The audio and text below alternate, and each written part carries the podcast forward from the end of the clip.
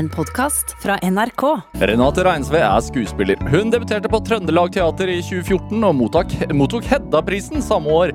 Siden har Reinsve hatt en rekke roller i film, på teater og TV, men det var hovedrollen i 'Verdens verste menneske' fra 2021 som gjorde henne til verdensstjerne. I dag fronter hun mothuset Louis Vuitton og starter snart innspillingen av den amerikanske filmen The Governesses. Dette er Drivkraft med Vegard Larsen i NRK P2. Renate Reinsve, velkommen til Drivkraft. Takk. Hei. Hei. Hvordan har du det? Jeg har det veldig bra, ja. Ja? Ja, jeg har det. Fri, fritid? Ja, endelig. Jeg føler liksom nå at eh, Ja, nå har jeg hatt fri Ja, kanskje to, to uker er det, kanskje. Sånn ordentlig. Og ikke med å, med å vite at det er Jeg har hatt sånn fri innimellom, da, men å vite at jeg skal ha fri en stund nå, siden den governess som du nevnte, har blitt utsatt. Så, så det da Nå klarer jeg å lande litt, faktisk. Så nå er jeg litt sånn rolig, og det er jo veldig Jeg tror ikke jeg har vært rolig på eh, Ja, i hvert fall ett og et halvt år, da. Ja. Men kanskje, kanskje enda lenger òg. Ja. Hva gjør du da? Hvordan er en hverdag for deg nå? Nei, altså Hva er, hva, hva er en helt normal dag for Renate Reinsve? Jo, men det er jo ikke helt normalt heller, fordi at jeg må på en måte lære meg litt å slappe av igjen.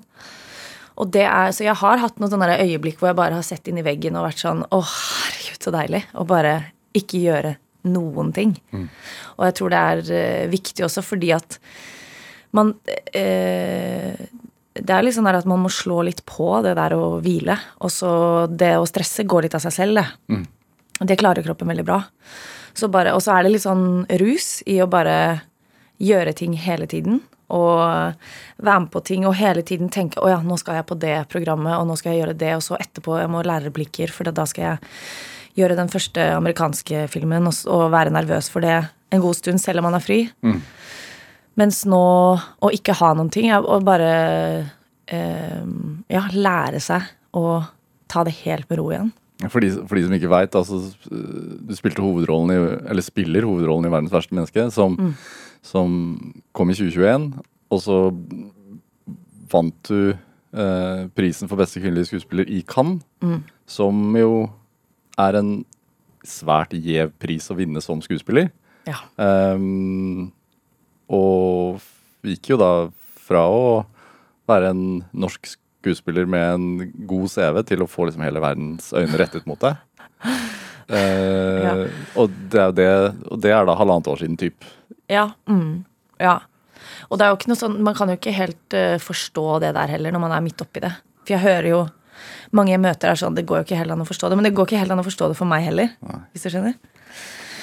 Så det, jeg tror aldri det går an å ta helt inn det der. Men ja, det, det også Både det å, å gjøre veldig mye hele tiden, men også det der å plutselig bli eksponert så mye. Og i i det her med sånn å um, gjøre presse for film og plutselig bli få veldig mange sånn øyne på seg og mye interesse, da, så ligger det jo mye sånn usagt press på å fortelle om seg selv. For noe må man jo snakke om når man skal i intervjuer.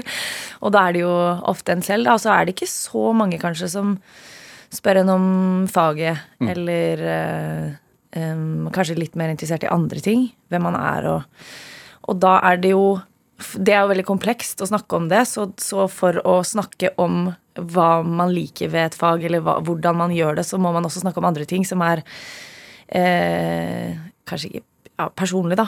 I, på grensen til privat. Så jeg, det er også litt sånn sjokk av hvor mye man plutselig har delt med masse folk, som er veldig hyggelig, og hatt utrolig mange fine samtaler med folk på grunn av det også, men, men det er jo litt sjokk, da, å plutselig ha ja, gitt, gitt så mange ting av seg selv, da. Ja. Er det? Men det er en dobbelthet der òg, fordi man må vel nesten det for, Ja. å, for å bevare den posisjonen, eller bevare en interesse. Jo, men jeg, har, jeg tror ikke jeg har vært så opptatt av å bevare en uh, interesse, egentlig. Mer eh, men, men vært veldig opptatt av at folk skal se filmen, og, og veldig stolt av det arbeidet vi gjorde, alle sammen i filmen. Så, eh, og, og ville veldig eh, gjerne være med på å promotere den og eh, Og så er det jo det er jo et eventyr, da, å være med på alle de her utdelingene og uh, Oscar og de her tingene. Så um, ja. Men, men ikke så opptatt av mm, Av å liksom snakke om meg selv som først og fremst, men at det kommer som et resultat av alt som har skjedd, og at uh, folk får veldig stor interesse av filmen og det vi har gjort i den. da.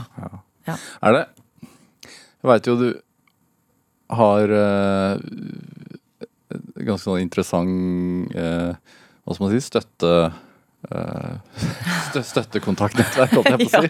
Altså sånn Du, du, har eh, knyttet familien tett til, eh, til, til karrieren i det siste. Ja, ja. Hvorfor er det viktig? Eh, nei, altså det var eh, Når jeg begynte å snakke med Louis Vuitton om disse tingene, og, og fikk eh, agent i USA og sånt noe, da, så er det veldig stort og en veldig sånn stor overgang. Og, og, mm, og så var jeg så full i hodet at det var nesten umulig å holde noen ting stokke om på noe som helst.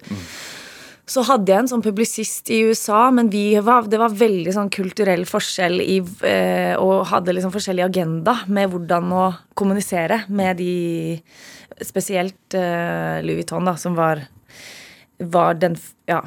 eh, det første jeg gjorde, på en måte sånn eh, Det er jo en jobb, det også, da. Er det, er det, så kan det sammenlignes på noe, som- på noe vis? Med det å være skuespiller og det å være en, en del av en Altså fronte et mothus? Et såpass stort mothus? Nei, nei, det er mer en sånn man møter veldig mange i en setting som er eh, å se han Nicolas Gaskier, han eh, eh, som er sjefsdesigner, da, når han lager klær og, så, og viser de fram på de motorshowene, så møter jeg jo veldig mange i bransjen og kan snakke med de, og det er en veldig fin Og han er veldig opptatt av film og veldig glad i film, så han vil samle mennesker han syns er interessante i, eh, i denne type kontrakt da, som heter Friend of the House. Mm, Hva er det for noe? Eh, nei, da er man jo bundet til de eh, og går med deres klær på premiere, f.eks., eller rød løper. Og man må ikke alltid gjøre det, men det er i hvert fall eh, Det er en del av eh, avtalen. Og så I hvor lang tid da? Eh, nei, det får vi se, da. det får vi se. Men jo, også, men i det her, da. I dette her å lære seg Og jeg har ikke hatt et moteplagg på meg i hele mitt liv. Og ikke snakket med mennesker eh, på Altså, som holder på med disse tingene. Så da funka ikke det så bra med hun publisisten. Og så er jo søsteren min helt fantastisk og har hjulpet meg liksom før med sånne praktiske ting. Ja.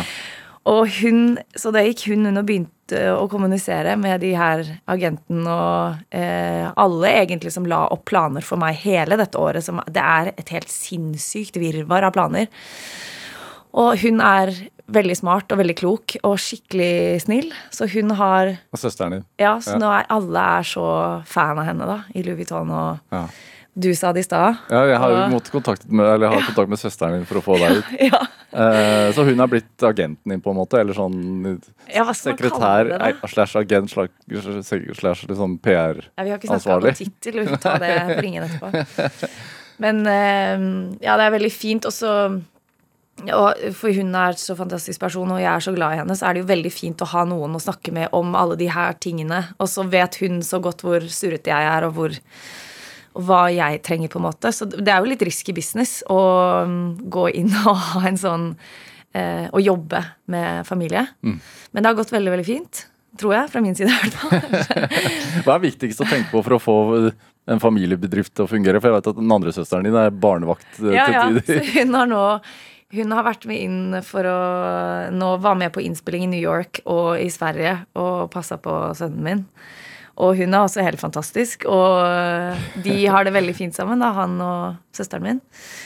Så det er jo eh, veldig trygt. Det føles veldig trygt i en veldig sånn utrygg, opprivende situasjon hvor alt forandrer seg litt, egentlig. Så det er å klare å holde på det og ja, sånn, Vennene mine har vært veldig viktig. Å å komme hjem hit og prøve så godt jeg kan å lande. Og så har det vært veldig fint å reise rundt med Joakim Trier. Da. Vi har blitt veldig gode venner. Og, og ja, så det, det gjelder jo å holde på de tingene, da. Når noe sånt skjer. Hvorfor som det? er litt absurd.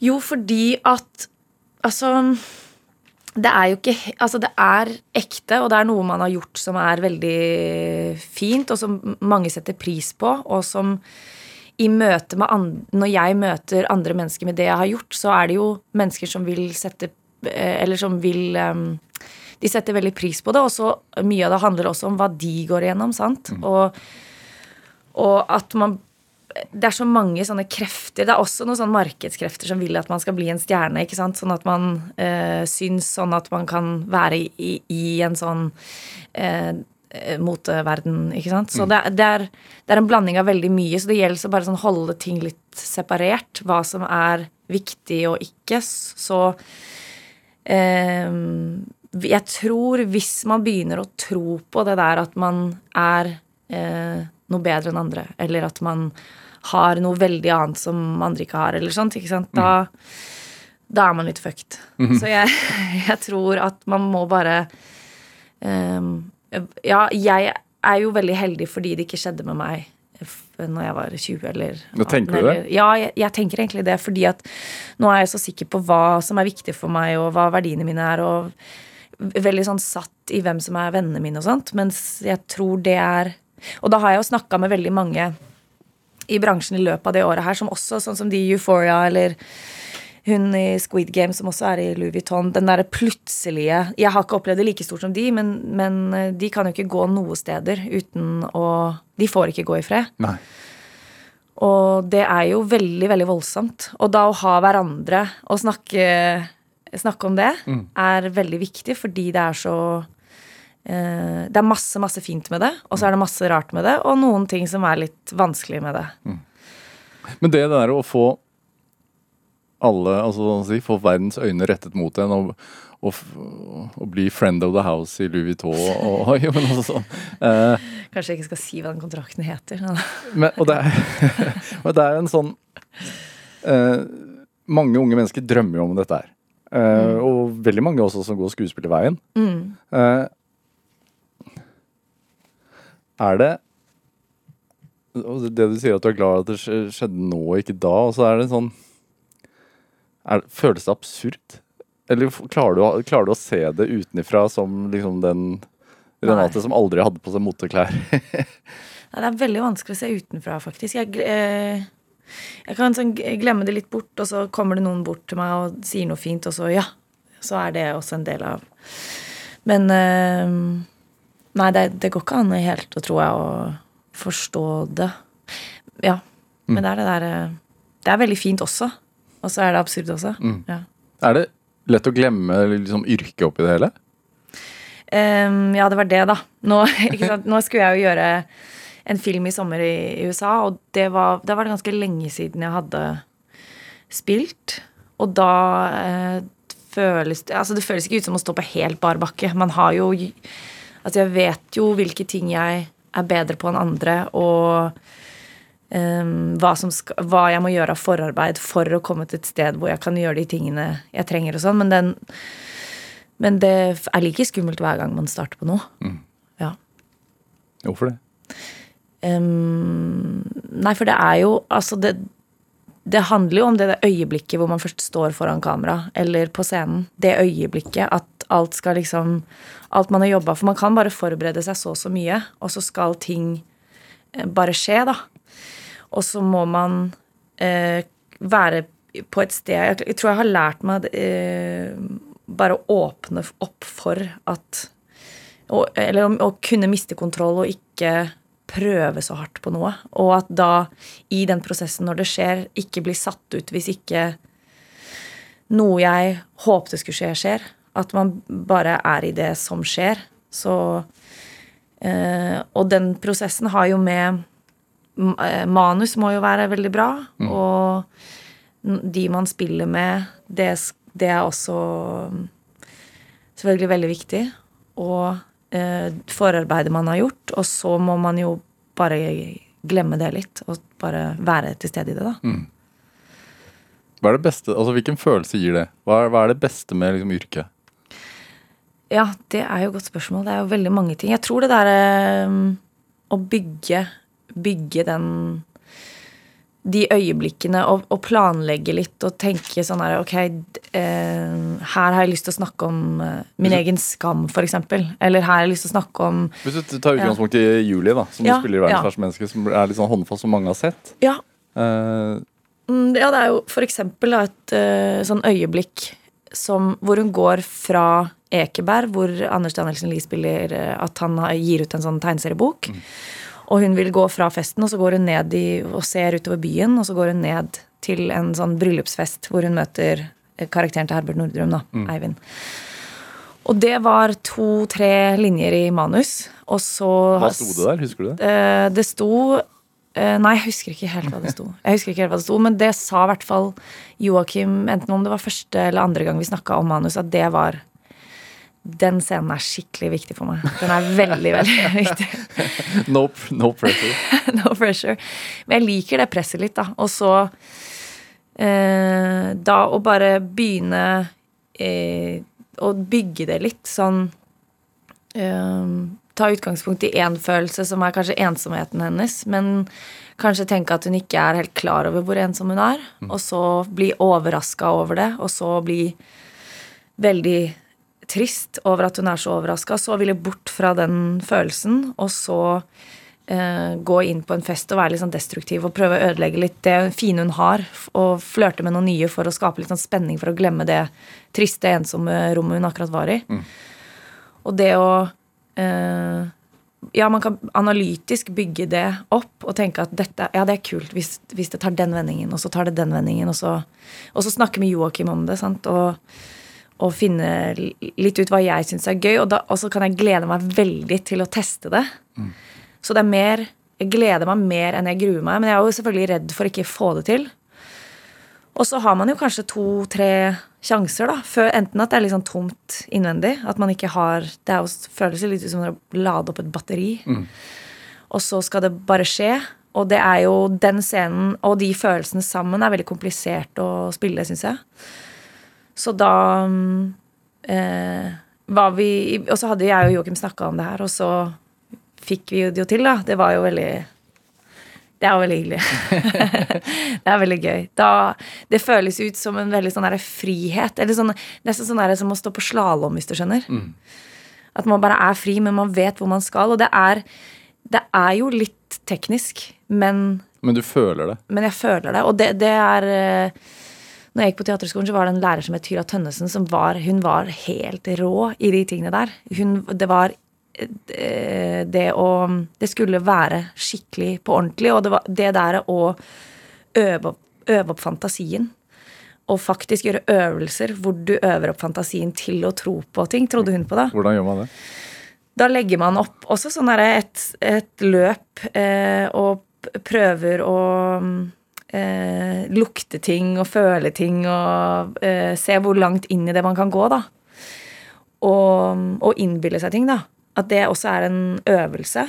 Det tror jeg på. Jeg tror at hjernen er litt sånn at hvis man får en idé eller noe for seg, så jobber egentlig hjernen veldig sånn automatisk mot å gjøre det sant for en. I altså eh, politiske meninger eller hva som helst. sant? Man, man, går veldig, man går lenger og lenger og lenger inn i sin egen, eh, sitt eget resonnement. Og jeg tror det gjelder litt for alle ting, at man kan øve seg opp til veldig mye. Og det var uh, hennes metode, da. Og hun kommer fra den russiske skolen, så da er det veldig mye analyse. Og så ligger det her å faktisk gå inn og prøve å tro på det opp. Og så jeg føler jeg har veldig mye fra henne, men at uh, jeg tror ikke at jeg fikk jobbe sånn I hvert fall på film eller TV, da, sånn, eh, før Joakim fikk jobbe på en sånn måte jeg hadde veldig lyst til. Hvor man slipper veldig kontrollen. Og, og at Joakim og jeg matcha veldig på hvordan å jobbe eh, de Han kaller det liksom øyeblikk eller sånne eventer. At man lager bygger opp og lager et øyeblikk, og at det bare skal skje der. Og det er det han vil hamstre da, og bruke. Selv om han kanskje ikke helt forstår hva som skjer, og han kanskje ikke heller helt 100% forstår hva som skjer, så føler han noe. Så vil han bruke det. Så da Det var et veldig, veldig bra samarbeid mellom oss, da. Jeg vet at den svenske eh, regissøren Ruben Østlund, som jo en gang har vunnet hovedprisen i Cannes, han, han har en sånn metode hvor han sliter ut skuespillerne sine. Jeg har hørt om det. Sånn, Ja. eh, de må bare gjøre det nok ganger, så, så de faktisk glemmer at de spiller. Ja. ja, men det ja, det, Jeg er ikke sikker på hvordan jeg hadde følt med det, men det høres ekstremt slitsomt ut. Men eh, ja, jeg skjønner Jeg skjønner veldig godt eh, ideen om det, at det er, det er utrolig lett for Altså, alt i en vil jo gjerne ha kontroll, eller vil jo gjerne um, ha Ja, bare være sikker på at det man gjør, er bra. Men å tørre å øh, tenke at det ikke skal være bra, men at det skal bare være det det er, tror jeg er Syns jeg er en veldig fin følelse når det skjer, da, og men noe jeg måtte lære meg. Noe som eh, er veldig vanskelig. Er det vanskelig å legge, legge bort forfengeligheten? Det er et godt spørsmål. Eh, ja Ja, det er litt Det er jo litt forfengelighet der, men eh, Nei, men også at man, Ja. man, man må glemme Man må jo glemme helt seg selv. ja. Ja, man må faktisk det. Ja. Altså, jeg har, jeg har sett mye på sånn eh, animasjon og dokumentar. Hvis jeg har sett på hvordan et, et menneske kan Hvor komplekst en følelse kan være. Da. Eller, eller animasjon er det mer sånn rent, men da har du ikke den selvbevisstheten. Og det å klare å komme bort fra å se seg selv utenfra er jo et mål, da. Og ikke ehm, man, man vil jo alltid ha veldig sånn oversikt og vite hvor man er. For man, eh, man kan ikke bare være helt fri følelse, for man skal jo bygge opp en scene og man skal videre. Og den skal jo fungere dramaturgisk og sånn. Men, men også langt man klarer miste selv, eller, ja, bevisstheten om at man er der, eller se seg selv utenfra, er veldig, veldig viktig. Og jeg syns det er så sykt kult å se når skuespillere klarer det. Det er jo helt fantastisk. Ja. Hva er, det, hva er det som gir deg mest glede ved en produksjon? Er det, altså man, er det å glede deg til innspillingen når du leser manus? Er det i, når du faktisk jobber, eller er det når produktet er ferdig? Altså, hva, hvor, hvilken prosess er det som, som, skal som driver deg? Jeg tror alle, alle Alt høres når du sier det nå, kjenner jeg blir Altså, alt er eh, fint, da. Men er kanskje det å bygge det, og det å kjenne sånn der, hvordan en gruppe fungerer sammen, og hvordan man jobber det ut sammen og står på sett og eh, Det føles jo ikke Det har aldri føltes som en jobb, egentlig. Jeg har det alltid veldig gøy. Så, og så har jeg ikke klart å gjøre ting jeg ikke syns er gøy. Altså virkelig, virkelig ikke. Jeg har blitt sparka fra mye greier. Men um, Men Nei, det er Jeg syns egentlig alle deler av Det er veldig va vanskelig å se, se en film etterpå og se seg selv, da. Det er litt vanskelig, men Så det er kanskje den minst morsomme delen. og så er det noe helt Produktet blir jo noe helt annet enn det man mm, er i. Det, det der med altså, Den filmen, den karakteren din, treff, traff jo veldig mange. Eh, og det handler jo om det å være usikker, egentlig. Eh, og ikke helt vite hva man vil. Og, Hvorfor er det så hva skal man si, tabubelagt? Ja, altså Jeg vet ikke. Det, det handler Den usikkerheten kommer jo kanskje ut ifra at man ikke helt er komfortabel med seg selv, da. At man ikke helt klarer å lande i seg selv, og at man driver og ser seg selv litt utenfra. Og, og i det, den der dynamikken eh, går litt sånn fram og tilbake i Og jeg, jeg tenkte på det først når jeg leste manus. Den der Det med Julia. at hun ikke er så komfortabel i å være seg selv, så da driver man og skifter stil, og man driver og eh, bytter jobb og studie og klarer ikke helt å lande fordi at man ikke eh, syns det er så eh, fint å være seg selv, da. Ordentlig. Resonnerte dette med deg? også? tenk, Ja, Ja. Jeg, jeg har også sånn uh, bytta veldig eh, måte å være skuespiller på, tror jeg. Før var jeg mye mer opptatt av å bygge det som en karakter, og at det skulle være eh, mest mulig bort fra meg selv. Og det var mye sånn stressa karakterer som var utenfor sin egen kjerne. Det resonnerte veldig hos meg. Og så eh, har jeg på et tidspunkt har ting snudd litt. Altså har jeg eh, ja, lært å akseptere meg selv og blitt litt mer glad i meg selv. Og så Og det var også litt gjennom Jeg jobba med en, nei, en regissør som heter Johannes Dahl, som er eh, teaterregissør. Som uh, ja, tvang skuespillerne veldig til å stå i seg selv og ikke gjøre noe utenfor seg selv. Jeg vet ikke helt hvordan jeg skal forklare det, men uh, Men det var helt forferdelig å stå i. Men jeg lærte veldig mye om Altså alt, alt måtte komme innifra? Altså alt, du kunne ikke finne på noe, liksom? Nei, nei, du skulle stå veldig sånn rent i den Altså det som er deg. Ja. Og det er jo egentlig eh, Eller jeg syns på det tidspunktet det var veldig ekkelt, da. Og, og det det? føltes ikke nok. Og det føltes ikke som jeg gjorde noen ting. Og da føltes det ikke som det var noe. Mens jeg var veldig eh, vant til å i- gjøre masse greier for å gjøre det interessant, eller for å gjøre det morsomt, eller Mens det der å stå veldig sånn rent i seg selv er eh, Ja, nå syns jeg jo det er eh, bedre og mer behagelig. Så det har skifta veldig. Hvorfor var det ekkelt? Jo, fordi, fordi jeg ikke jeg kanskje syns at jeg var eh, bra nok, da. Og var så komfortabel med å være, være meg selv. Og så Det er kanskje også noe å lære seg, men det kommer litt sånn der, eh, kommer litt an på hva man kommer fra. eh, Dynamikken man har hatt hjemme når man har vokst opp, og, og de der tingene. Og de, alt det tok jeg med inn i den julekarakteren.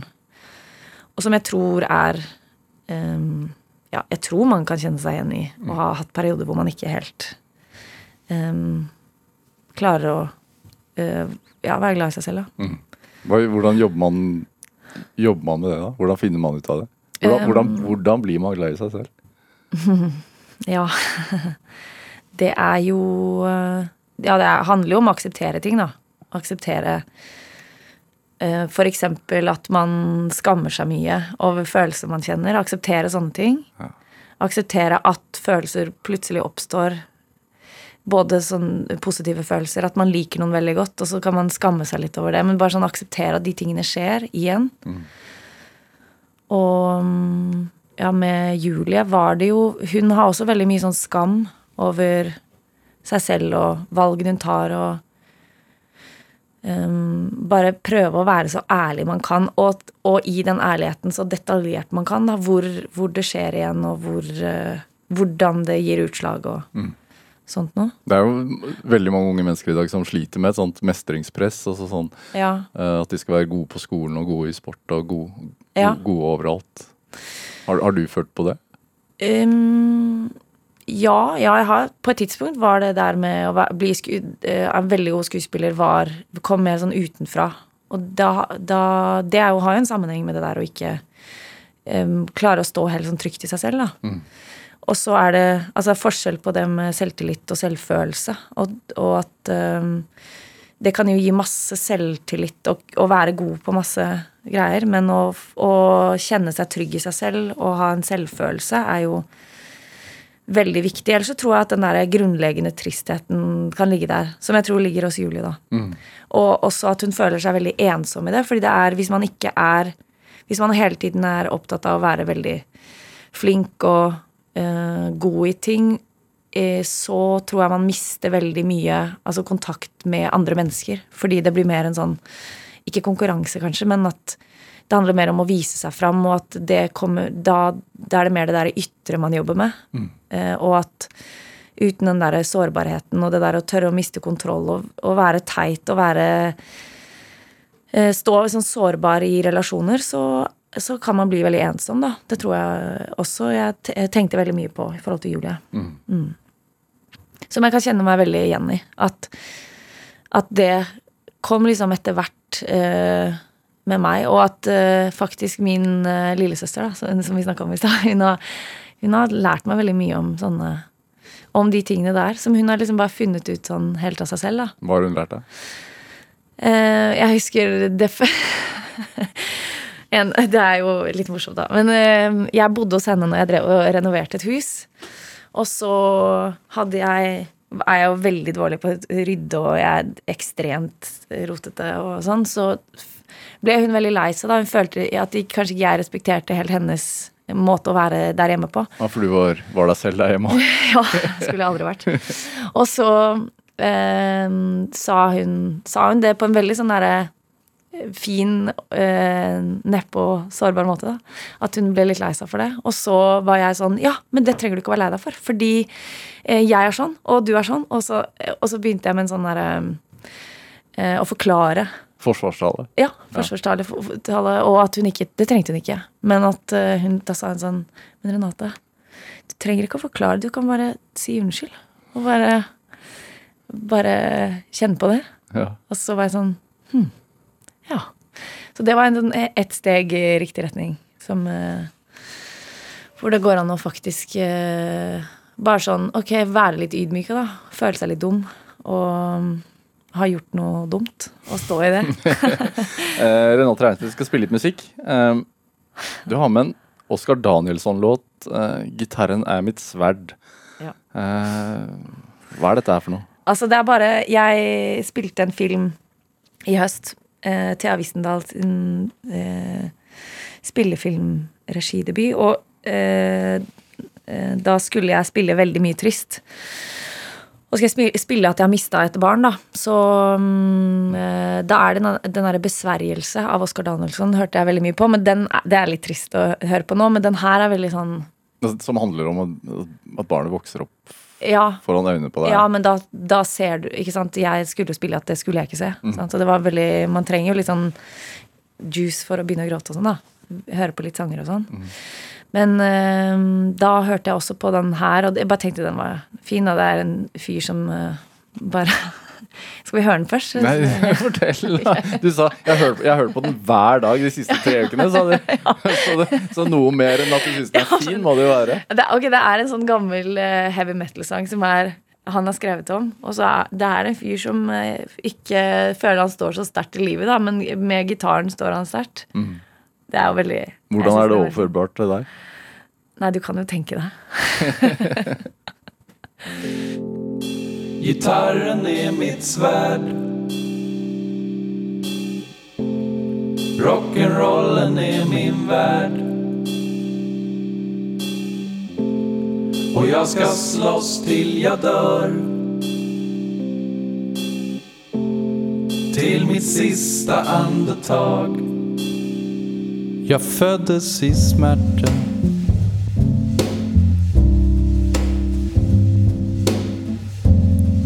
i det eviga regnet. Jag stod där ensam i natten. Ingen som höll av mig. Gitarren är mitt svärd. Rock'n'rollen är min värld. Och jag ska slåss till jag dör Till mitt sista andetag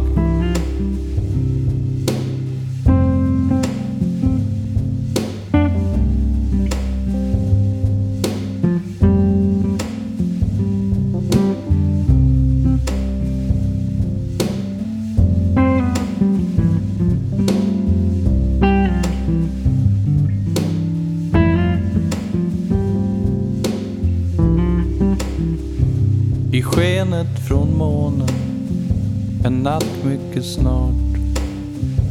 Ska du se mig slå till?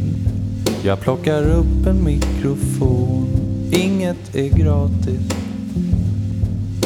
Och inget är för mig Men jag har sett en duva för kärlek och fritt. Gitarren är mitt svärd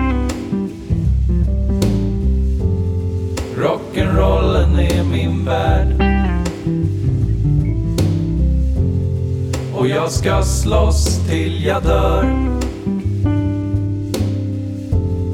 Till mitt sista andetag. Gitarren är mitt svärd Rock'n'rollen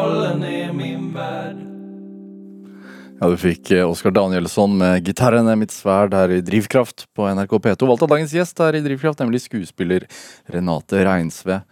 Hva slåss du for? Ja Godt spørsmål. Eh, jeg tror kanskje i det siste har det handla litt om sånn eh, altså, altså det kollektive, da.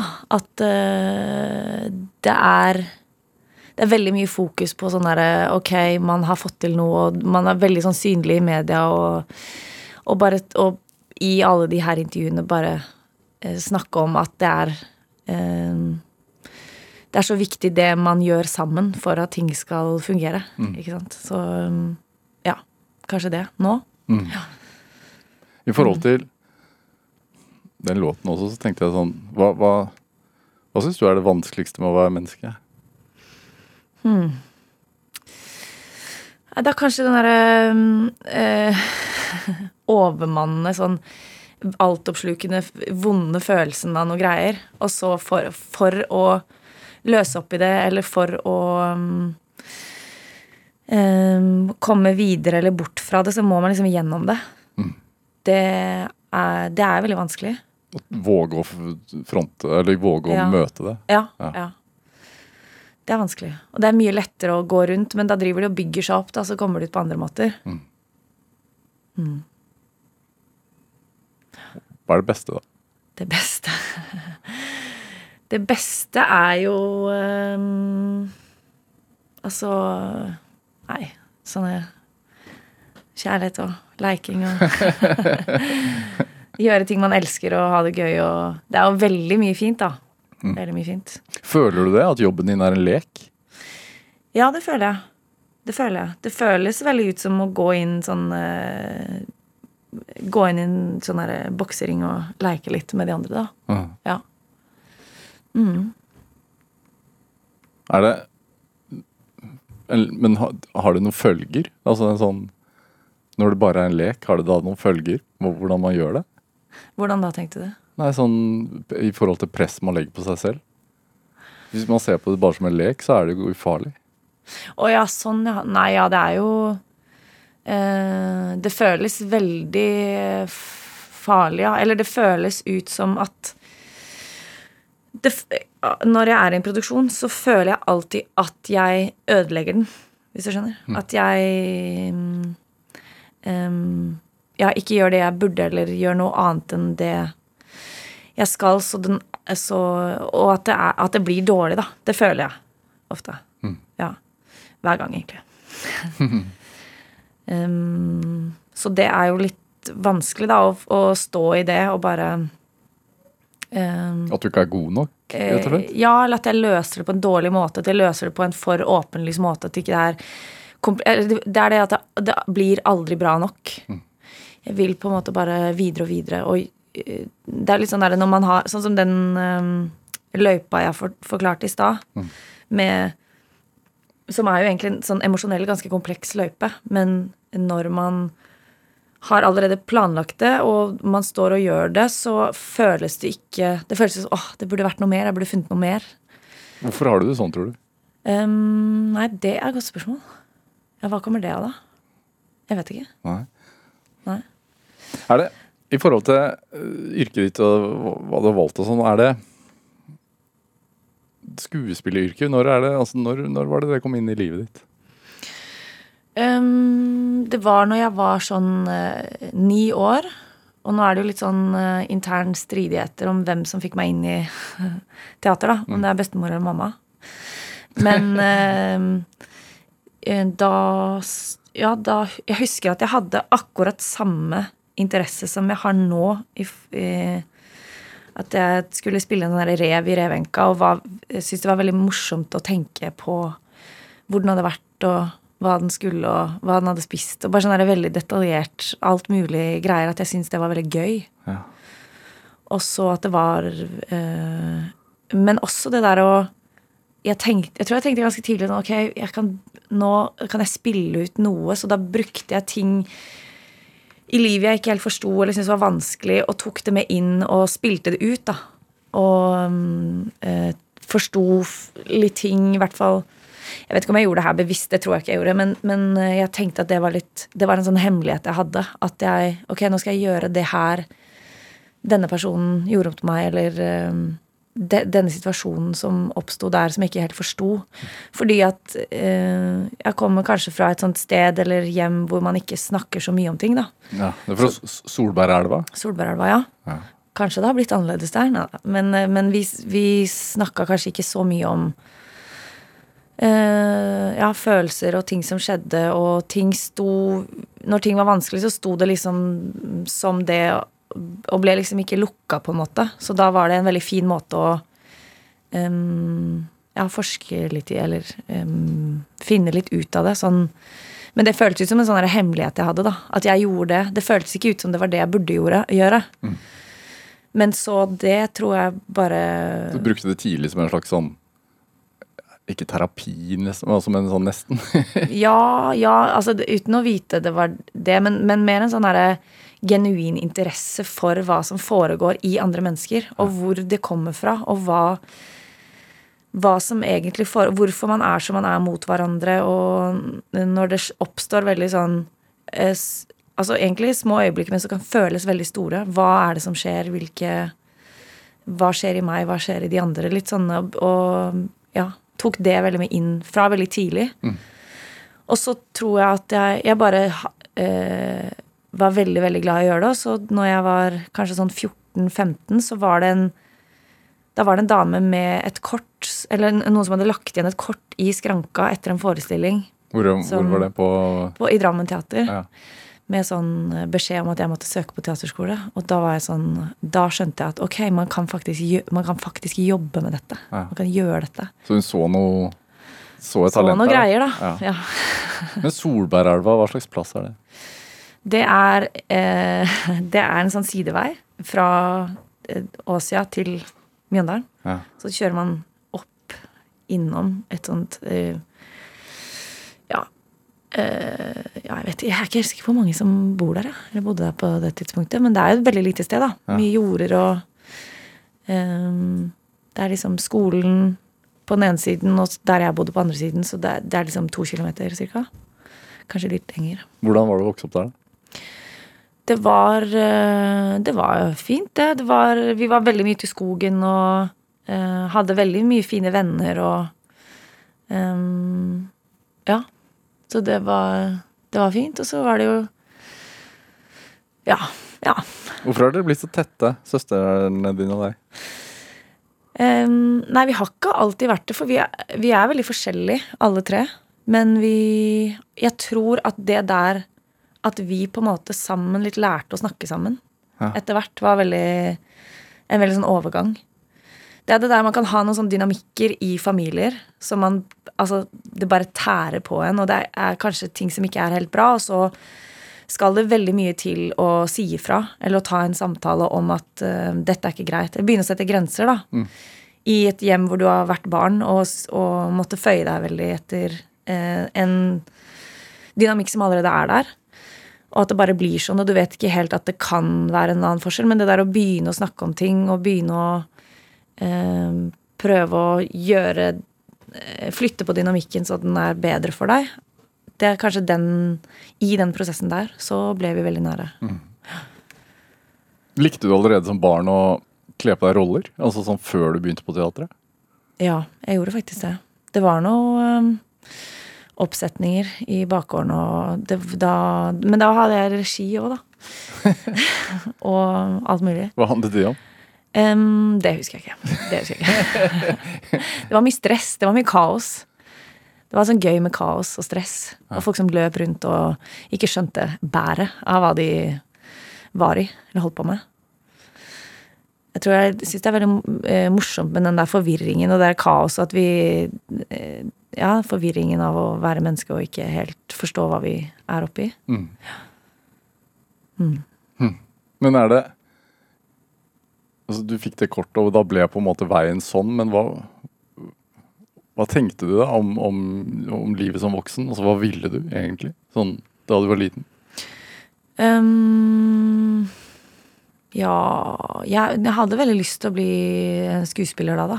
Jeg, fa jeg fant veldig mye i den For du kan Du setter deg jo inn i veldig mange forskjellige fag, og du, set, du, du tenker veldig mye over ting, og du har veldig mye fine samtaler.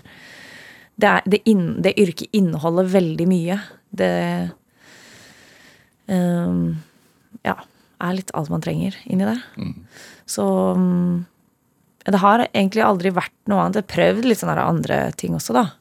Jobba med noen andre ting også mens jeg søkte på teaterskolen og syns at det var veldig fint også, men det, er, det her er jo veldig Ja, veldig bra.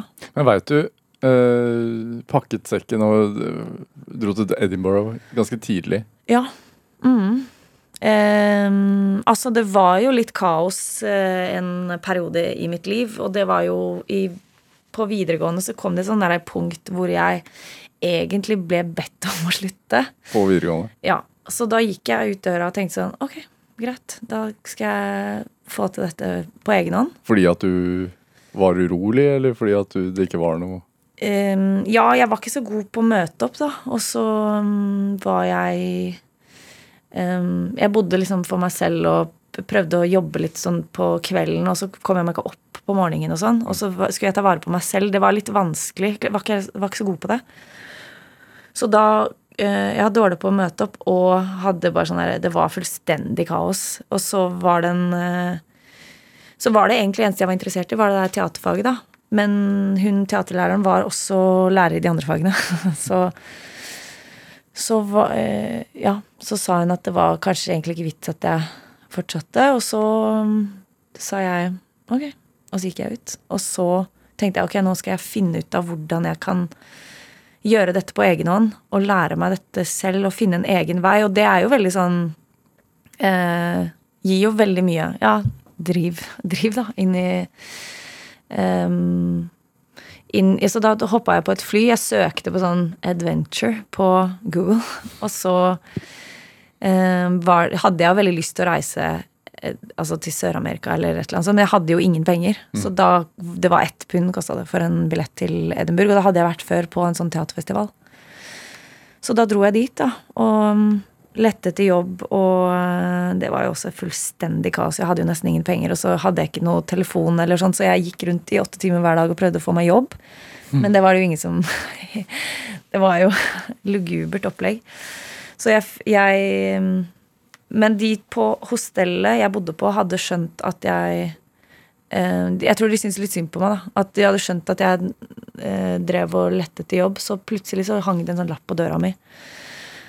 Hvor de spurte om jeg kunne komme til resepsjonen. Og så var det et slags jobbintervju hvor han spurte eh, Ja, har du jobba i bar før? Sa jeg nei. Har du helt øl før, da? Nei. Ok, men du er over 18? Nei. Og så sa han ok, greit. Så ble jeg betalt i en sånn brun papirpose til jeg ble 18. Oi. Og det var veldig mye Veldig mye festing, da. Veldig mye gøy. Og så dro jeg hjem igjen for å prøve å komme inn på Teaterhøgskolen. Etter jeg følte selv at jeg hadde nå liksom bevist at jeg klarte å Eller tok vare på meg selv bortenfor alt, og fikk alt liksom på avstand. Og da kom jeg hjem og var veldig sånn Ville um, Du sto på egne ben fra tidlig, da. Ja, ja. Mm. Og så ville jeg hjem og liksom ta Og snakke litt ordentlig med familien og forstå litt øh, Ja, ting som hadde skjedd, og øh, dynamikker og sånt. Og så øh, ja, kom jeg inn på Teaterhøgskolen til slutt, da. Mm. Og ja. Mm. Er det, hva møtte du der, da? Der møtte jeg Ja, hva møtte jeg der, da? Det var jo veldig eh, Var det trygt? Godt spørsmål. Vi hadde litt sånn en turbulent klasse, så det var litt eh, Det var ikke helt Men jeg, det var, jeg har ikke egentlig blitt så veldig Eller jeg kan trives godt i utrygge settinger. Så, og stress og sånn kan jeg trives i, faktisk. Gir det en ro? Eh, ja, jeg kan i hvert fall føle at jeg mestrer det veldig bra, da. Som er veldig mm, en bra kvalitet å ha med inn i skuespilleryrket, eller det som har skjedd det siste året, er jo veldig bra å ha, ha med det. For det er jo mye kaos. Ja. Men at jeg, jeg syns det er litt spennende, og syns at um, det kan gi veldig mye. Og det der å ikke vite helt, og, og spille en Bare det å stå i et stykke og spille en rolle hvor alt er litt kaos, og det gjør det litt mer spennende og mer levende, da. Sammen med ting i livet. Det gjør det veldig spennende. ja. Er det viktig? Stillstand er Ja. skummelt? Liksom? Nei, ikke skummelt, men jeg, jeg tenker det er en blanding av begge, begge deler, ja. At jeg syns det er veldig fint med masse kaos, og så kan det være ja, viktig å lande og um, slappe av litt også. Ja. Ha, ha en god balanse mellom de to, tror jeg er bra. Du fikk jo Hedda-prisen veldig tidlig, altså sånn da du var ferdig på Teaterhøgskolen og fikk jobb på Trøndelag Teater, og så Ja. fikk du jo Hedda-prisen med en gang. Så, så, så å si. Ja. Eh, og ble Amanda-nominert eh, ganske tidlig. Ja. Eh, Og så gjorde du jo masse roller, men det var ikke så store roller. Nei. Nei. Hvor Hvor sterkt anbefaler du skuespilleryrket? til andre? Man må jo virkelig elske det, da. Eh, Men for meg var det ikke så viktig sånn om rollene var så store. Det, det var mer viktig hvilke produksjoner og um, hvem jeg skulle jobbe med og sånt. Um, og så har jeg hatt utrolig mye Jobba utrolig med veldig, veldig fine folk og i teater. Jeg har gjort veldig mye fine produksjoner. Og så eh, fine og varierende i, i TV og film, da. Men du har jo sagt tidligere at du har vurdert det liksom, før denne film, store filmrollen å Ja. gi opp. Ja. Er det, er, har det vært kokettering og en bra story, eller var det fakta? Ja, det er bare det. Nei da. Nei, men det, jeg tror at det der eh, Å gjøre teater er jo fantastisk, men det er veldig tungt. Og man jobber hele, hele tiden. Man jobber jul og Altså, man jobber hele året rundt for veldig lite penger, da. Og man må jo virkelig være idealistisk på det for å jobbe med det på teater. Og så eh, hadde jeg lyst til å ja, gå litt ut av det. Vi hadde gjort det veldig lenge. Og så følte ikke jeg at det var så mye produksjoner jeg hadde lyst til å være med i. Og jeg følte ikke at jeg var inne i en sånn der flyt hvor jeg fikk de tingene jeg hadde lyst til.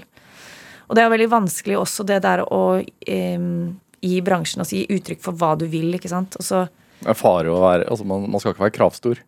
Nei. og så eh, er det fordi det ikke er så utrolig mange produksjoner også, så gjør man jo ting også for å eh, tjene penger. Og da gir man kanskje et uttrykk eh, for at man Dette er det jeg har lyst til å gjøre.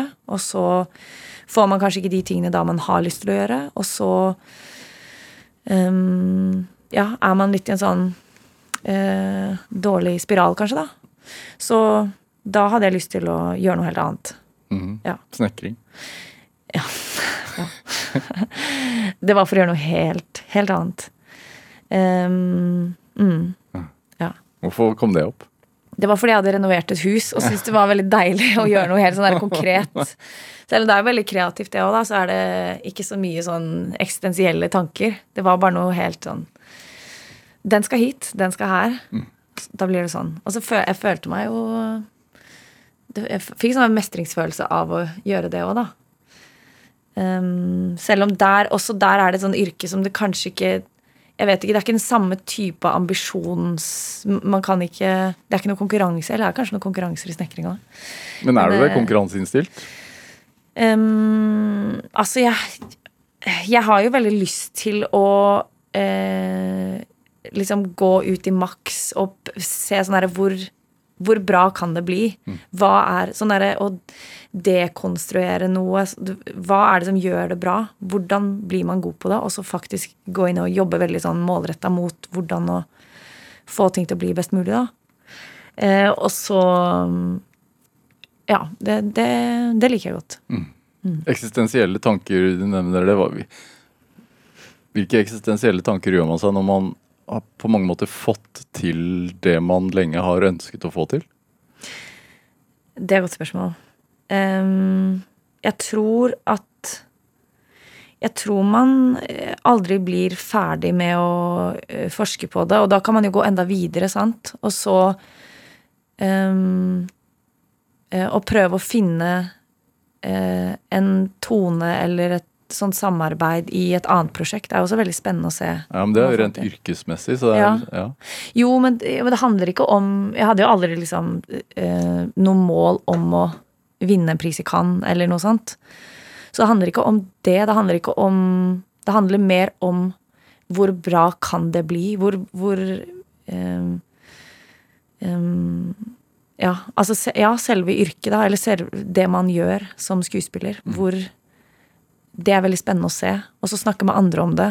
og, og bli inspirert av de. Sant? Og um, jeg husker når jeg jobba på Trøndelag Teater, så var det sånn, et veldig bra miljø for akkurat det. Å bli påvirka av hverandre. Og veldig mye sånn Det var under Christian Seltun, som nå er eh, sjef på Nationaltheatret, som er en fantastisk sjef, og som la veldig sånn eh, grunnlag for en kultur hvor man eh, ble veldig sånn eh, Tok veldig mye fra hverandre, fra ting man kunne. Og det, det, det er ikke konkurranse mot hverandre. Det var mer en sånn Ok, hvor langt kan vi gå her? Hva gjør disse nå? Hvordan kan vi få inn dette i, i um, altså et Ibsen-stykke. Uh, de som jobber mer sånn eksperimentelt, hvordan kan vi få det inn der? Og hvordan kan det bygge på det som allerede er veldig um, Sånn konformt, da, for eksempel. Og hva, hvilke styrker er det i det konforme? Hvilke styrker er det i det eksperimentelle? Hvordan kan det påvirke hverandre? Det, er mer sånn um, Det er jo ikke en konkurranse. Det er mer en sånn Man er sammen om å utvikle noe, da. Hva, hva er det som driver deg, da, tenker du? Um, jeg tror det er nysgjerrighet på mennesker og um, ja, hvor langt man kan gå i ting. Og så se hvor langt man kan pushe ting. Hvor er ytterpunktet? Det tror jeg driver med. Det var det vi rakk. Tusen Ja. takk for at du kom til Drivkraft. Takk for meg. Hør flere samtaler i Drivkraft på nrk.no eller i appen NRK Radio. Send oss gjerne ris og ros og tips til mennesker du mener har drivkraft. Send den e-posten til drivkraft.krøllalfa.nrk.no. Vi hører gjerne fra deg. Produsent i dag var Kjartan Aarsand, og Olav Tessem Widsvang gjorde research til denne sendingen. Dette var Drivkraft. Jeg heter eh, Vega Larsen. Vi høres. Du har hørt en podkast fra NRK. Hør flere podkaster og din NRK-kanal i appen NRK Radio. En podkast fra NRK. En morgen i begynnelsen av november i fjor kom en mann løpende ut av leiligheten sin i Thereses gate i Oslo. Mannen som ble skutt og drept av politiet i formiddag. Han var skuespiller, han var bryter, han var danser. Altså, sånn en av de mest talentfulle karene jeg har møtt. Hvem var denne mannen? Hvem var Rustam Louis Foss? Og hvorfor måtte livet hans ende sånn, på et fortau på Bislett? Mannen i Thereses gate hører du først i appen NRK Radio.